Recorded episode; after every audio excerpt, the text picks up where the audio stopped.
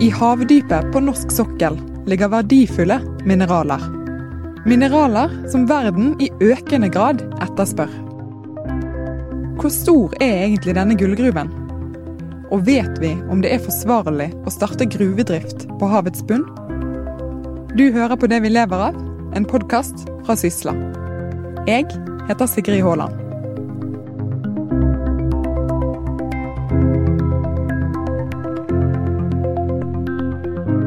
Jeg heter Linn Merete Brekk Olsen. Jeg studerer til en doktorgrad i geokjemi. Denne stipendiaten var på mineraltokt sammen med Oljedirektoratet i sommer. Hun ser på miljøspørsmål knyttet til utvinning av havbunnsmineraler. Olsen har tidligere vært med på et samarbeid mellom Universitetet i Bergen og forskningsprosjektet Sponges. Da så de på hvordan svamper og sjøstjerner reagerte på havbunnsmineralene. Og de slangestjernene de har egentlig gått i eh, samme vanntanken i ett år og vært friske og fine.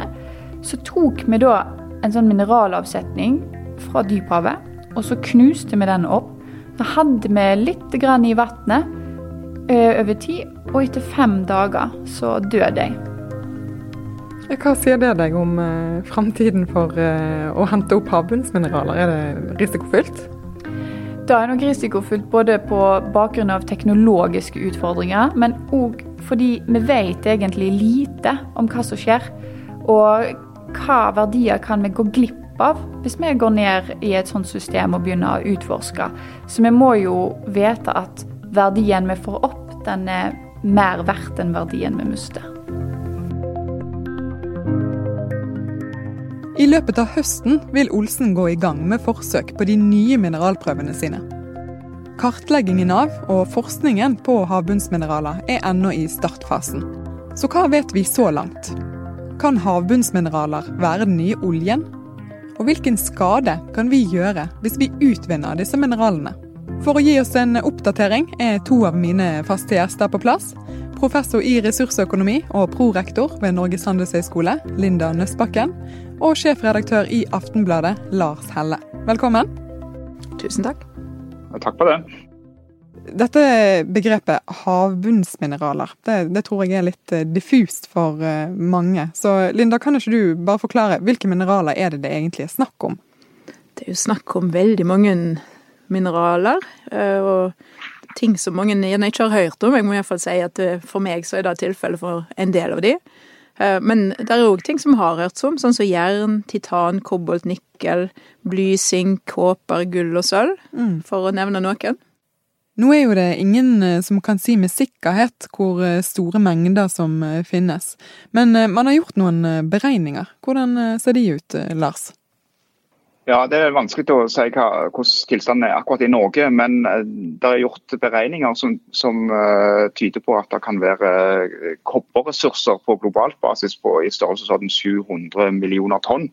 Uh, og, og, Det viser seg at det er potensial på norsk sokkel for uh, at vi kan ta, ha en stor andel av det innenfor forskjellige nye, interessante mineraler. Eller det er gamle mineraler, men de har fått nytt ny brukeranvendelse de siste årene. Ja, kan du si litt om det? Hva, hva er det egentlig man eh, bruker disse mineralene til?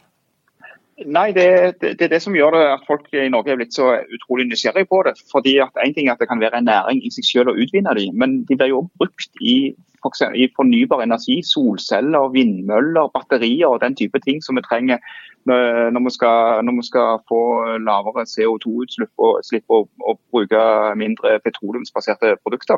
Så her er det mange som ser for seg en vinn-vinn-mekanisme, og hvor òg Norge kan ta del i dette her. Vi har jo lenge hørt om Kina, så, så har nærmest vært monopolist på en del sånne sjeldne grunnstoff og mineraler. Og har vært de som har levert eh, ja, 95% kanskje av uh, sånne sjeldne jordarter som blir brukt i denne type produksjon. Uh, og de har jo strupa eksporten i perioder, og hvis du går tilbake i tid, og skapt panikk verden rundt. For det, det, er så veldig mange som bruker dette. For det er jo, det er jo i produkt som vi ikke tenker på. Sånn så, Jeg tror vi leste softis, bruker du noe sånt. Men det er jo i mobiltelefonene våre, TV, Eh, elbiler, eh, vindmøller, alt mulig sånn som vi bruker til daglig, som vi har gjort oss avhengig av. Så, Så det vil jo helt sikkert være en etterspørsel etter dette òg i framtida. Når vi, som de har sagt, skal øke fornybar produksjon og alt dette, så, så legges det jo bare da til en allerede stor forbruk og en stort etterspørsel etter disse typer stoff. Ja, og Utvinning på land har jo, har gjort en kjent business for å bruke et sånt uttrykk i mange mange år. og Det, det litt nye her er jo at eh, folk ser både at det er mulig å utvinne fra havbunnen og under havbunnen, og, og at det er potensial for å lage eh, stor industri av det. Ja, Så har de vel òg sagt at det er tettheten av mineraler i Så innholdet av mineraler i det som du finner på havbunnen er større enn du finner på land mange plasser. Så derfor er det òg ekstra gunstig og ekstra stor interesse rundt det.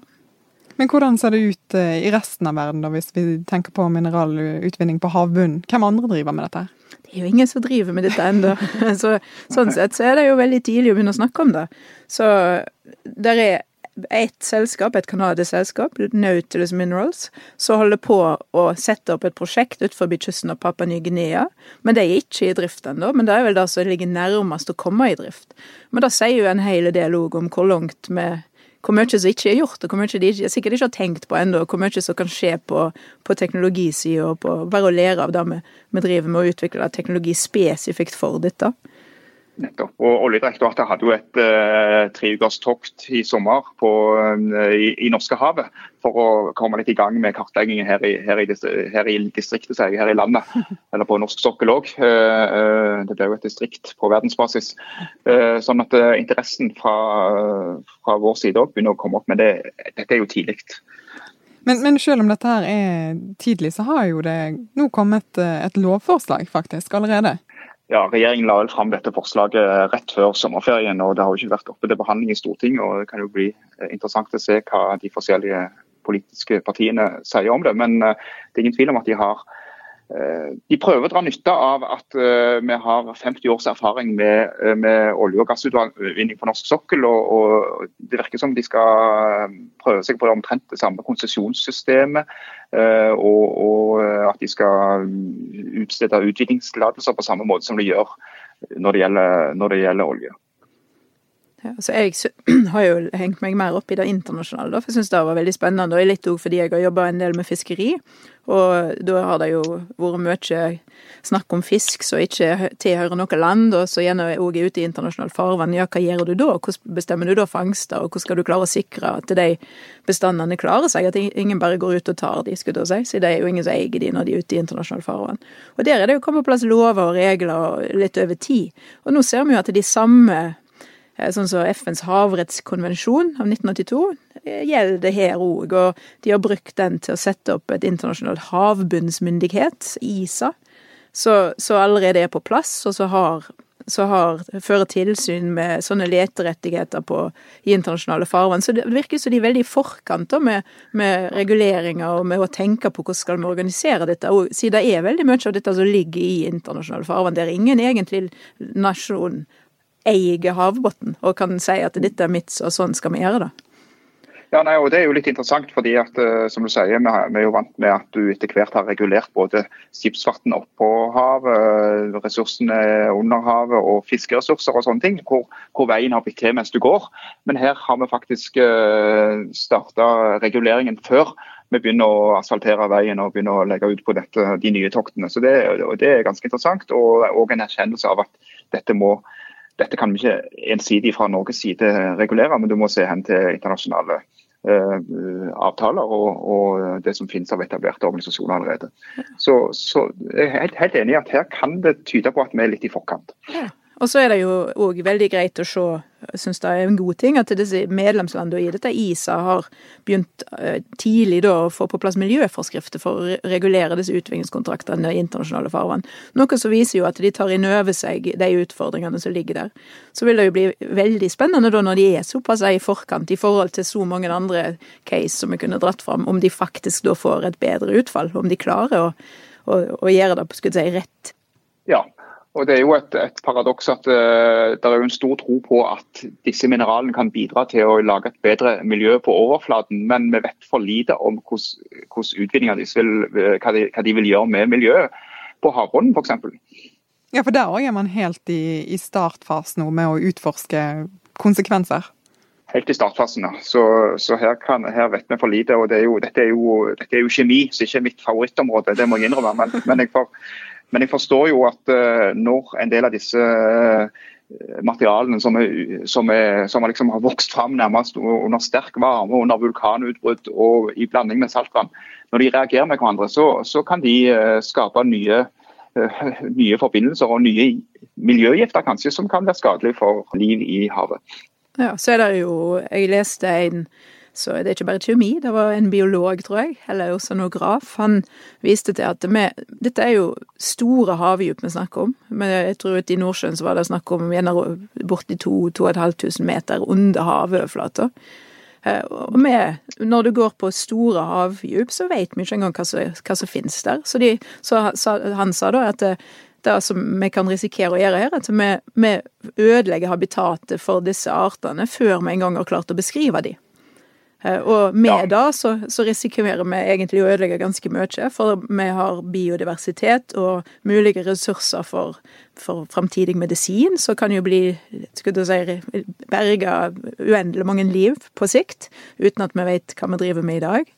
Eh, og du har masse med andre ting, så det kan ligge skjult i, i djupet der som vi ikke har sett verdien av ennå, som vi da risikerer å gå ned og, og, ødelegge.